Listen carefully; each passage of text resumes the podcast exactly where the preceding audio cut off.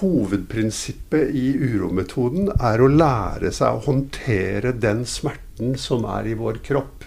Når du lærer deg å ha det dårlig, dvs. Si når du vet hvordan du skal håndtere smertefulle følelser, da vil du kunne gå gjennom smertefulle følelser. Og da vil de miste kraften sin over, over deg. Og da vil du finne mange ressurser bak de følelsene. Alt det du savner i livet ditt, ligger gjemt bak den uroen. Oi. Av kreativiteten din, av gleden din, av kraften din, av roen din, av humoren din, av musikaliteten din, av sensualiteten din. Alt det Altså, mennesket utnytter bare en bitte liten del av sitt potensial i verden.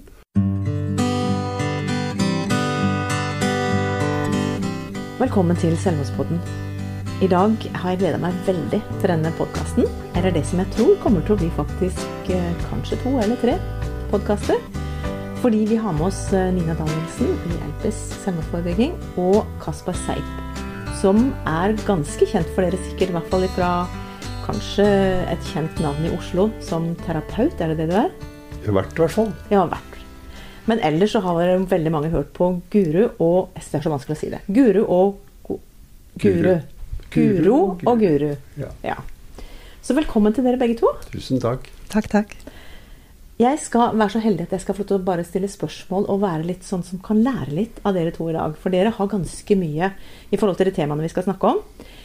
Selvmordsforebyggende arbeid kan deles inn i tre deler. Forebyggende, intervensjon og omsorg for etterlatte.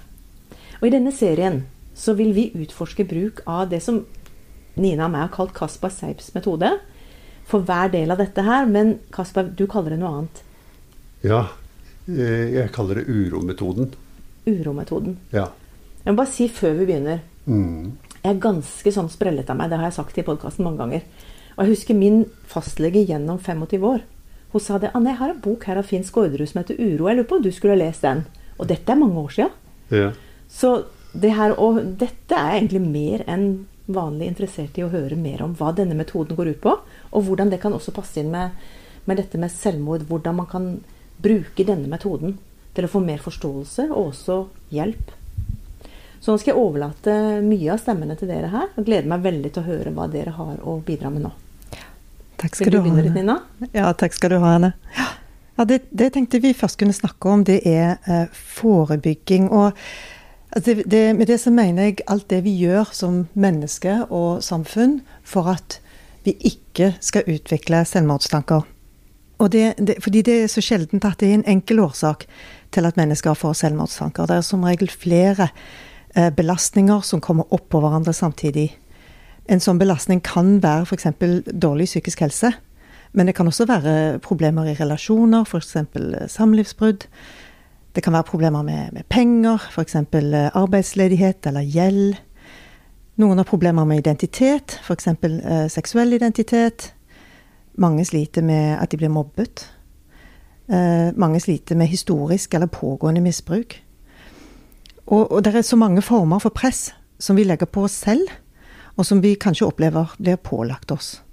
Og hvis vi, hvis vi ikke håndterer disse belastningene eller utfordringene, så kan de bygge seg opp til et overveldende press, eh, og da kan døden fremstå som en utvei for noen. Og så er det jo det at hvert menneske har forskjellig kapasitet og evne til å mestre sånne utfordringer. Og her tenkte jeg at kanskje mm, urometoden kan være nyttig for å håndtere forskjellige typer vansker i livet. Kan du forklare litt om din metode, Kasper? Hvordan eh, man kan Ja. bruke den for seg selv? Det vil jeg gjerne. Det var en fin innledning, da. Jeg har egentlig lyst til å si at å ha uro er eh, Det slutter først når du dør.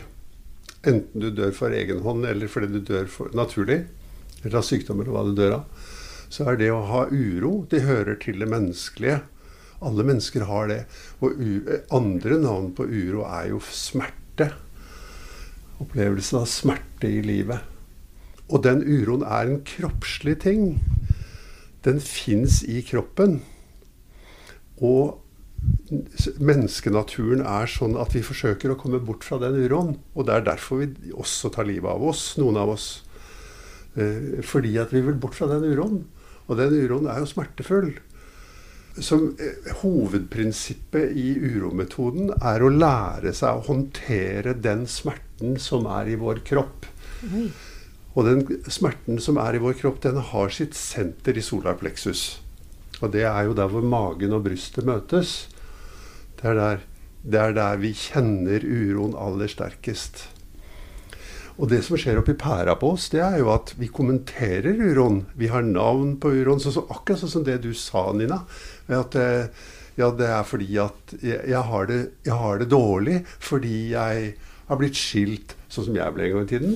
Eller fordi jeg har gått konk, eller fordi jeg har mistet en nærstående, eller ja, ja, Det kan jo være alt mulig. Et eller annet livsdrama som har gjort at jeg kommer veldig i kontakt med smerten. Men urometoden handler om å bli kjent med smerten og lære seg å håndtere den, helt uavhengig av hvilket navn den har. Nå er det jo sånn at i en sånn jobb som jeg har, som urolærer, kaller jeg det. Før så kalte jeg det terapeut, nå kaller jeg det urolærer. Fordi at det er noen ting man lærer. Man lærer noen ting om hvordan Ja, men hvordan henger egentlig dette her sånn sammen? Hva er det som skjer her? Fordi at jeg, jeg har det så dårlig. Men nesten ingen mennesker vet hvor de har det dårlig. Så det er et av mine aller mest sentrale spørsmål til folk. Det er når du har det dårlig, hvor er det du har det dårlig da? Og så si, nesten alle mennesker peker på hodet først. Men når man begynner å undersøke det, så ser man at ja, men der hvor jeg har det dårlig, der hvor jeg kjenner uroen, der hvor jeg har det dårlig, det er jo i kroppen. Mm. Det er en fysisk, sansbar ting. Det har med sansene våre å gjøre. Og å lære seg å møte den uroen er urometoden. Og det kan være utløst av alt mulig. Det kan være Det du nevnte for meg, var egentlig veldig mye det jeg kaller strategier. Det du nevnte i stad, det du ramset opp. Det er strategier, det er ting vi gjør for å slippe å føle uroen vår. Og Pass, passer det inn i det som folk snakker om smerteuttrykk, istedenfor å tenke på diagnoser eller sånn? Ja at mye av dette her, om det er rus eller overspising eller hva det er for noe, så er det uttrykk for smerte, eller ja. det som du kaller uttrykk for uro? Ja, e, e, egentlig så er det strategier. Altså, det, De to tingene du nevnte nå, de er veldig typiske menneskelige strategier for å slippe å føle uro. Ja. Det å ruse seg, da tar du jo bort, bort følelsen av uro. da, ikke sant? Du mister jo kontakt med den med en gang. Det er derfor vi liker så godt å drikke når vi er i party, f.eks. For, for det tar bort den eh, helt enkle fysiske følelsen at det foregår noe i kroppen som gjør at jeg, føler, at jeg føler at jeg ikke har kontroll. da. Mm. Så det er en sansbar ting. Og følelser er sansbare. I vårt samfunn er det jo kaos og misforståelser rundt følelser. Folk tror at, at, man føler at man holder på å overskride budsjettet. Det går ikke an å føle. Det går an å tenke. Det man føler, er basically behag eller ubehag. Det er det man føler. Og så kanskje vi kunne Så kan man på en måte sette litt mer nyanserte navn på det, sånn som frykt eller skyld eller skam eller uro, som jeg syns er ganske overordnet for meg, er et overordnet uttrykk på ubehaget. Eller ensomhet. Som med alle disse følelsene er jo sånn som folk forsøker å flykte fra ved rus, mm. eller ved eh, spiseproblematikk, eller ved arbeid. arbeid eller ved jogging, altså ved trening. Det er veldig populært nå. Det er jo en såkalt velfungerende, sosialt velfungerende strategi, i mm. motsetning til f.eks. russ. Men like fullt er det en strategi veldig mange ganger. Mye oftere enn vi liker å tro på. Så det er, det er, sånn du møter de som kommer til deg og skal få hjelp? For du, har jo ikke, du begynte jo ikke med dette i fjor. Nei, jeg begynte for 25 år siden. Jeg skal ikke si noe om noe alder, altså, men du har holdt på med dette noen år? Jeg har vært terapeut i 45 år. Og så har jeg de siste 25 årene jobbet med uro. Mm. Så lenge, ja. Mm. Så dette kom tidlig opp at du har ikke lyst For når dere snakka her i stad, Nina og, og Kaspar, så begynte du å nevne ja, er dere inn forbi den og den teorien eller noe sånt. Og så sier mm. du nei. Så det, du har egentlig utvikla noe helt eget? Jeg vil ikke påstå det, for det er, det er heller et sammenkok av veldig mye forskjellig. Men å bruke urobegrepet sånn som altså Saken er den at For noen år siden så skrev jeg en bok sammen med min gode venn Bernhard, som har kontoret her ved siden av meg. Og eh, Den heter 'Kampen mot uroen', og den handler om menn og uro, og hvordan uro styrer livet til menn. Og da er det sånn, Den ligger i bokhylla der. som du Ja, takk. Den tar vi med oss på vei ut. Ja, ja, klart. Den må vi jo kjøpt. Og så eh, eh, er det jo sånn at det er flere kvinner enn menn som leser den boken. For det handler om menn? Så nei. Nei, ikke derfor. Ikke derfor. Nei, men fordi at det er flere kvinner enn menn som går i denne typen prosesser som vi driver, da. Og alle de som leser den boken, de sier jo at Uh, den er like Alle kvinnene da, de sier at den er like relevant for oss, selv om, vi er, selv om ikke det står noen kvinner i boken. Det høres bra ut. Men hvorfor tror du ikke menn leser boken din? Hvorfor vi gjorde det? Hvorfor, hvorfor, hvorfor tror du færre menn leser boken? Fordi at færre menn går inn i denne typen prosesser. er, blant Hvorfor menn er det vanligere å svelge enda hardere når det gjelder det å ha indre smerte. Og det tror jeg er noe av årsaken til også at flere menn enn kvinner tar livet av seg. Fordi at det er større trykk inni menn. da. Det er lettere for kvinner å ventilere sin emosjon, i hvert fall sin emosjonalitet. Ikke sikkert eksistensielle smerter, men de emosjonelle tingene. Det er lettere for kvinner, mange kvinner å sette ord på og fortelle om enn det er for menn. Og det tror jeg er en urgammel ting, at det er sånn. Men vi var jo interessert i menn fordi vi er menn, og fordi vi har liksom sett hvor mye det betyr eh, for det, Altså hvor viktig det har vært for oss å bli klar over følelsene våre. Vi har liksom ikke visst det. Har du noen tanker om hva vi kunne gjort som samfunn for at flere menn skulle kunne engasjere med den slags Jeg tror jeg har antagelig veldig mange tanker om det. Det første som slår meg, er at det å ta disse spørsmålene bort fra det terapeutiske og bort fra det kliniske og til det hverdagslige, eh, tror jeg kanskje er det aller viktigste. For jeg tror at eh, liksom hele den terapeutiske tradisjonen, den stempler deg som at det er noe gærent med deg. Eh, og det Det tror jeg både menn og kvinner har veldig mye imot. Og jeg har også veldig mye imot det. Det å ha smertefulle følelser og ha vanskelig for å håndtere det, det har ingenting med at det galt med deg å gjøre. Det har noen ting med at du er menneske. Og mm, liksom å bli klar over de dynamikkene, bli klar over hvordan dette fungerer, det er egentlig veldig mye et opplysningsarbeid. Mye mer enn det er et Sånn som når dere lager en podkast, det er et opplysningsarbeid. Eh, mye mer enn det er et terapeutisk arbeid, tror jeg. Og Derfor så må det inn i skolen. Nå driver man med noe som heter livsmestring, og det kan Det har jo et potensial i seg til å bli noe som er veldig bra. Men det er også et potensial til å bli masse terapeutisk pjatt som jeg eh, ikke er interessert i. Så jeg tror kanskje det er det viktigste for meg. Det er å ta, å ta det ut av det liksom det spesielle. Ser at Det er på en måte sånn i et samfunn at det er noen mennesker som er vanlige og som er velfungerende, og så er det noen mennesker som er spesielle og som det er noe gærent med. Sånn er jo et samfunn ordna. Det, jo, det er sånn man lager en kultur. ikke sant? Altså man Det er vi og dere, liksom. ja, er, en kultur blir til sånn. Derfor så er det ikke noe Det har ikke med at det er noen som har dårlige intensjoner å gjøre, men det har noe med at eh, det er slik men, Når menneskene grupperer seg, vil det være noen som er innafor, og noen som er utafor. Og de som er annerledes, og som har problemer med følelsene sine, de har vi i vår kultur og i vestlig kultur definert som ko-ko. Og vi har plassert dem nå for ikke, Altså fremdeles gjør vi jo det. Plasserer folk på eh, altså terapeutiske institusjoner i terapeutiske institusjoner og sammenhenger hvor man liksom skal fikse de. Det tror jeg ikke noe på i det hele tatt som en løsning. Jeg tror Om noen få, om noen få år så trekker man på skulderen og syns det er latterlig, hele greia, liksom. Eh, Det er misforståelse og noe som de såkalt normale klynger seg til for å slippe å bli identifisert, identifisert med de såkalt ikke-normale. Vi har jo opplevd det litt, jeg vet ikke hvor mye du har opplevd, Nina, men i begynnelsen, etter at min sønn Thomas tok livet sitt, helt sånn, så, så opplevde jeg at veldig mange spurte ja, hva, hva fant dere ut for noe?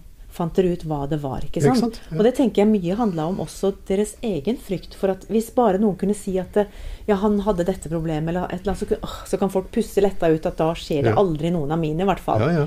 Mens når ikke vi fant noen ting, når det var bare en ung, velfungerende gutt som plutselig ikke var her mer, Mm. så ble det veldig bråkete. For da får du ikke inn i noe system. Liksom. Man kan ikke, du kan ikke liksom sjekke boksen på at det, Mm. Dette er noe som skjer med andre. Og det blir jo en frykt ut av det. Ja.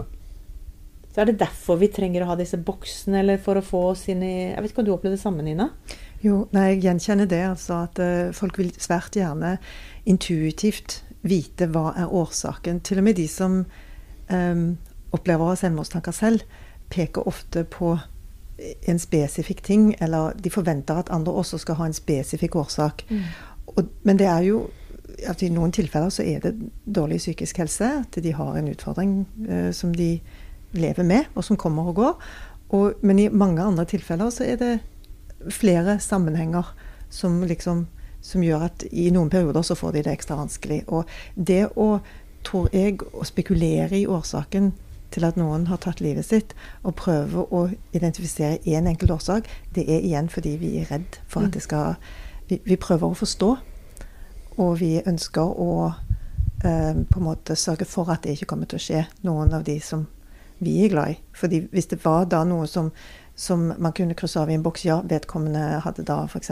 Hadde, hadde levd med depresjon, f.eks., eller mm. hadde bipolar lidelse. Mm. Som nå etter hvert samfunnet begynner å vite er en sterk risikofaktor, da. Da blir det liksom Å ja. Så så lenge ingen av de jeg er glad i, har bipolar lidelse, da, da er vi liksom trygge. Men det er jo dessverre ikke sånn det fungerer. Mm. Det vet vi jo. ikke sant? Mm. Det er mer sammensatt enn som så. Kan jeg spørre deg om du, Er det mange som kommer til deg, som, som eh, etter kort tid du finner ut at dette er det som, som de er mest opptatt av? At de faktisk ikke har lyst til å leve lenger?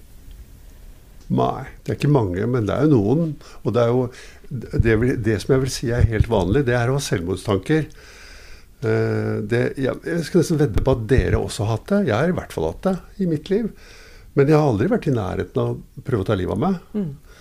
Men det å avdramatisere selvmordstanker det har litt sammenheng For meg har det litt sammenheng med å forstå hva tanker er.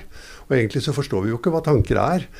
Men det som er helt tydelig, er at um, atferdsmønstre har noen ting med tanker å gjøre. Det er nesten man kunne si at det går nesten en form for mote. Da. Det er litt sånn dårlig uttrykk, men det går nesten en, man kunne si det sånn at det en, i en kultur så er det visse typer tanker som går igjen, og som sprer seg utover. Og dere ser f.eks. Eh, dette med dette med sånn derre eh, Hva heter det? eh, hva heter sånn tretthetssyndrom? Sånn, ME? ME, ja. Mm. Det er ME og spiseforstyrrelser er slike områder som plutselig brer seg i et samfunn. Og jeg tror også at selvmord er sånne områder som på en måte har en smitteeffekt, og som sprer seg i et samfunn. For det, det, har med tankene våre å gjøre. At vi blir kjent med noen ting som en form for utveier, noe som virker. No, og det er også noe som gir oppmerksomhet.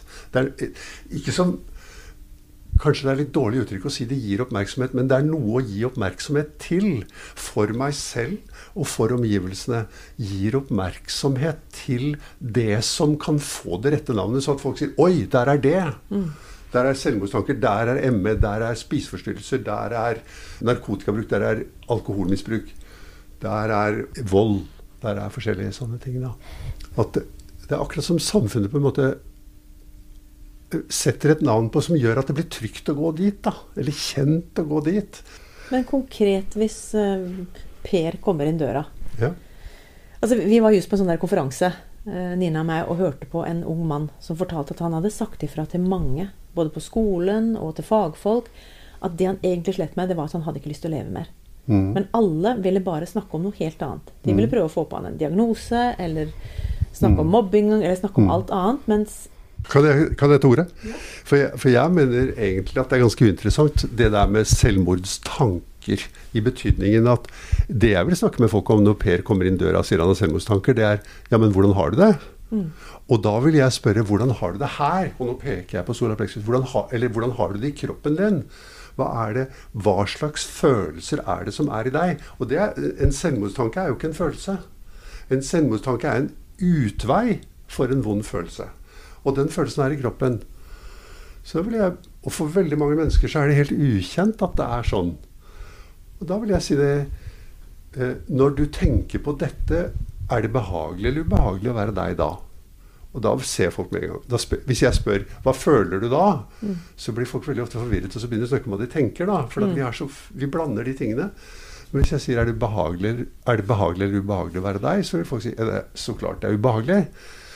Og mitt neste spørsmål da er helt avgjørende, for det er hvor er det ubehagelig? Ikke hvorfor. Hvor i kroppen? Ja, hvor i kroppen. Hvor Ok. er det ubehagelig? Og da sier folk ja, jeg veit ikke Det er her et eller annet sted, sier de. Og så gjør de sånn. Mm. Altså, de antyder at det er i brystet mellom magen. da. Og så guider jeg folk inn til den uroen, og så lærer jeg folk å være sammen med den uroen. Og det dere vet Begge dere har jo barn, og begge dere har også mistet barn. Og dere vet at følelser bor i kroppen. Og at det som hjelper på følelser, det er å være sammen med de følelsene. Det er å gi dem vennlig og interessert oppmerksomhet. Og det er noe vi ikke lærer på skolen. Og, veld... og vi som foreldre også, vi kan det ikke slik at vi kan lære barna våre det. Men når barna våre er veldig små, så gjør vi det jo hele tiden med barna. Før de begynner å bli vanskelige, liksom. Vi holder rundt dem og tar dem inn til oss og klemmer dem og sier 'du kan få være hos meg og sitte på fanget mitt' når du gråter eller er lei deg eller har det vondt eller er redd eller noe sånt. For du kommer og ligger i sengen min, og så holder jeg rundt deg. ikke sant? Og slik kan vi gjøre med de følelsene. Og da vil folk få en konkret erfaring at jøss, det hjelper jo. Det er ikke nødvendig å spise piller, for det hjelper på vonde følelser å, å, nær, altså, å gi dem vennlig oppmerksomhet. Uansett hva følelsene er. Så selv når de er vonde, så Ja. skal vi bare kjenne etter. Ja. kan analysere. Men det, det er jo helt sånn derre Hva heter det på i Amerika? Nå har jeg bodd litt i USA, så jeg sier sånn oxymoron. Altså, at hvis du har uro i kroppen, så er det jo fordi Ja. at du vil av gårde. Ja. Altså, du vil jo ikke være oppi dette her. Så det, det kan jo tenke, altså, Vi har snakka med en del menn. De tenker løsninger. De tenkte 'hvordan kommer jeg vekk ifra'? Jeg kan ikke ha det sånn som dette her. Så da er det jo første greia at den vil løpe av gårde. Og så sier du du har det helt forferdelig, så svart at du faktisk ikke har lyst til å leve, leve lenger. Og så sier du ja, kom nå her, så skal vi lene oss inn til denne grusomme følelsen. Hvem er det som vil være i nærheten av den grusomme følelsen frivillig? Nei, altså, jeg vet ikke, men det er en stor del av de som kommer hit, da. Det handler jo, det der Får bare med, får de med på det? Ja, det bare, handler bare om pedagogikk, det. Ja. Det om Du lurer de rett og slett litt. Ja, nei, jeg tror egentlig ikke det. Jeg tror egentlig det at jeg er mye mer ærlig med folk. Hvis, jeg, mm. Hvis folk sier til meg de har selvmordstanker, så sier jeg 'so what', sier jeg. Syns du det er så imponerende? Det har jeg også hatt mange ganger. Det er ikke noe viktig. Det som er viktig, er hvor, ja, hvordan har du det? Kan du fortelle meg er det behagelig eller ubehagelig i din kropp? Saken er at når den tensjonen eller den smerten i kroppen går ned, så går også selvmordstankene ned. Fordi at selvmordstankene er en kommentar til den smerten som sitter i vår kropp. Det er en, en analytisk greie som foregår i menneskesinnet. Og som, han, og som er tanker som forsøker å bearbeide det. Og akkurat som du sier, forsøker å finne en årsak. For hvis jeg kan finne årsaken, så kan jeg også finne en løsning. Det er det vi tror på. Det er en grunnleggende misoppfatning som vi mennesker har. At livet består av problemer som kan løses. Det gjør ikke det. Det er mange smertefulle ting som ikke kommer av at det er et problem. Det kommer bare at ting gjør vondt.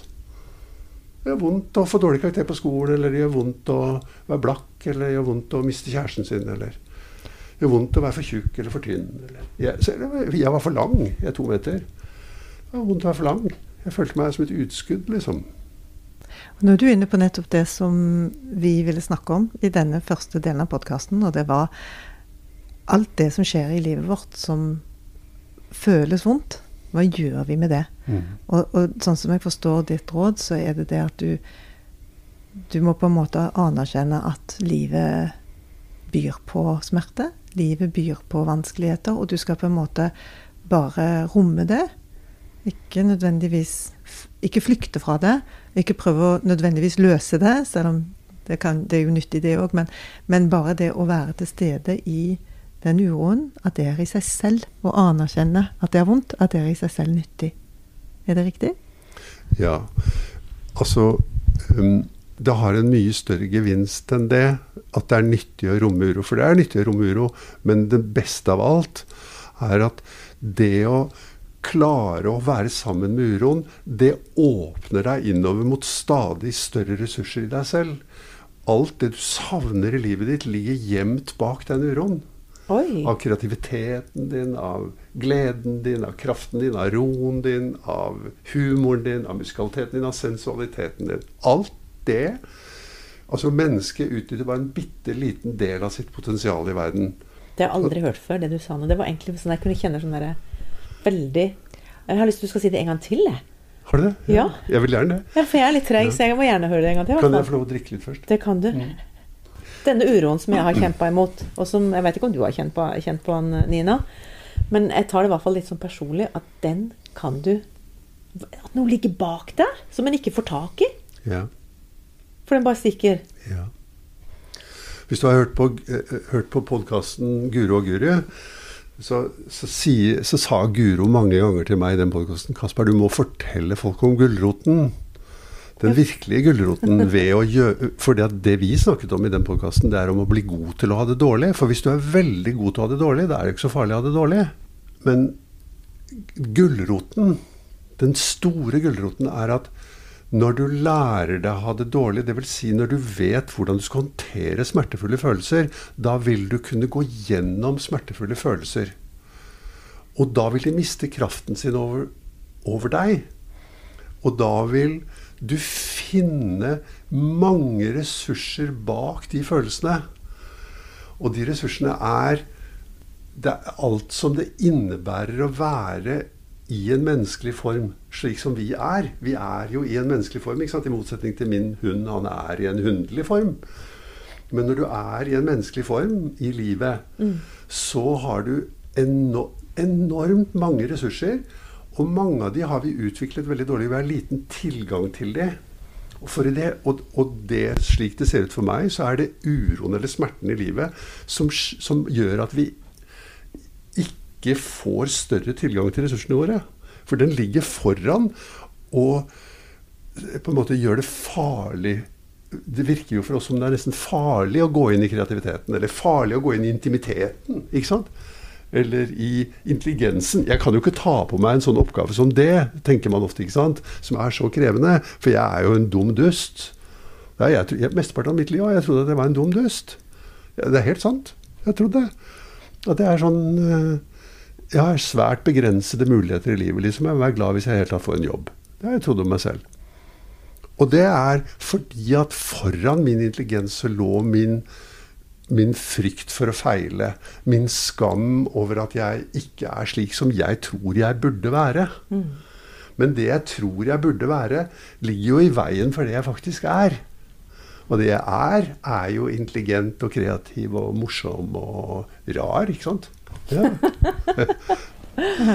Det var en herlig Jeg tror rett og slett vi skal runde av denne episoden, fordi du har sagt noen sentrale ord nå. Frykt og skam, og de skal vi komme inn på i neste episode. For det er jo ganske sentrale ting i forhold til dette som er selvmordstanker. Nina, du må hjelpe meg litt her. Hvordan man, altså det her med selvmordsnær, Dette her som Elpis egentlig jobber med. Mm, intervensjon. Inter... Ja. Det er veldig Vi vanskelig. har vært litt, ja, vi har vært litt inne på det. Kan du ikke bytte ut det med noe bedre? da? Har du noen forslag?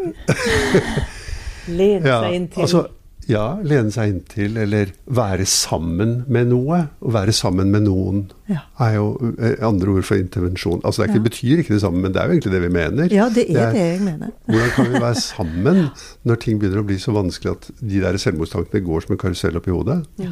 Mm. det, Det, tror jeg er et veldig godt uh, forslag, uh, rett og slett. Ja. Eh, fordi jeg er litt opptatt av det du nevnte tidligere, at vi må utvide samtalen om livet og tanker om døden til å bli mer enn en samtale om diagnoser og psykiatri og terapi.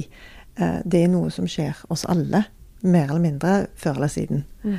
Og da er på en måte ordet intervensjon det virker så veldig, virker litt for klinisk. Og litt for sånn nå skal vi til behandling, og nå skal vi sette oss ned, og nå skal vi gjøre noe. Og, og det, men grunnen til at jeg har brukt ordet, er fordi Stiftelsen Elpis jobber spesifikt med å bidra til at folk får kompetanse på akkurat den biten. Med å være sammen. Hvordan skal jeg være sammen med noen som har det så vanskelig at de tenker på at, eh, at, at liksom døden kan være en form for utvei? Og hvordan kan jeg, hvis jeg får tanker om at, at livet er så vanskelig, hvordan kan jeg være med meg selv da? Nå Så- begynner, nå begynner du på neste episode, Nina. For jeg ser jo at det, det, her brenner du jo for. Det er jo dette som hele LP står for. Så jeg lurer på om vi skal si at akkurat nå var det veldig veldig bra å ta en bitte liten pause. Vi må få oss litt vann. Det er varmt her inne. Og ta en bitte liten pause før vi går inn på del to, som da handler om dette ordet, som vi ikke skal bruke lenger, kanskje.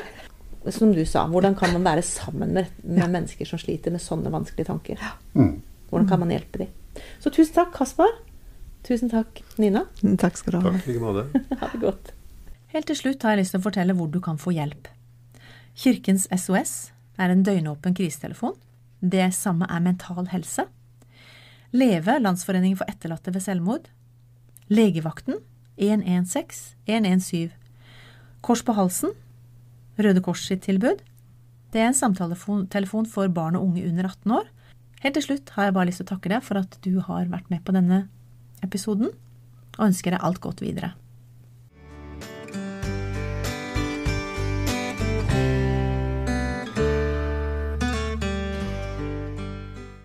Kiwi er billigst i VGs matbørs og har vært billigst i fire av de fem siste VGs matbørser. Og nå presser vi prisen på påskevarer fram til 1. april. På 591 gram Toro vaffelmiks presser vi prisen fra 35,90 helt ned til 26,90. På 410 gram Lerum jordbærsyltetøy presser vi prisen fra 29,40 helt ned til 22,90. For det er vi som er prispresserne. Og vi i Kiwi gir oss aldri på pris.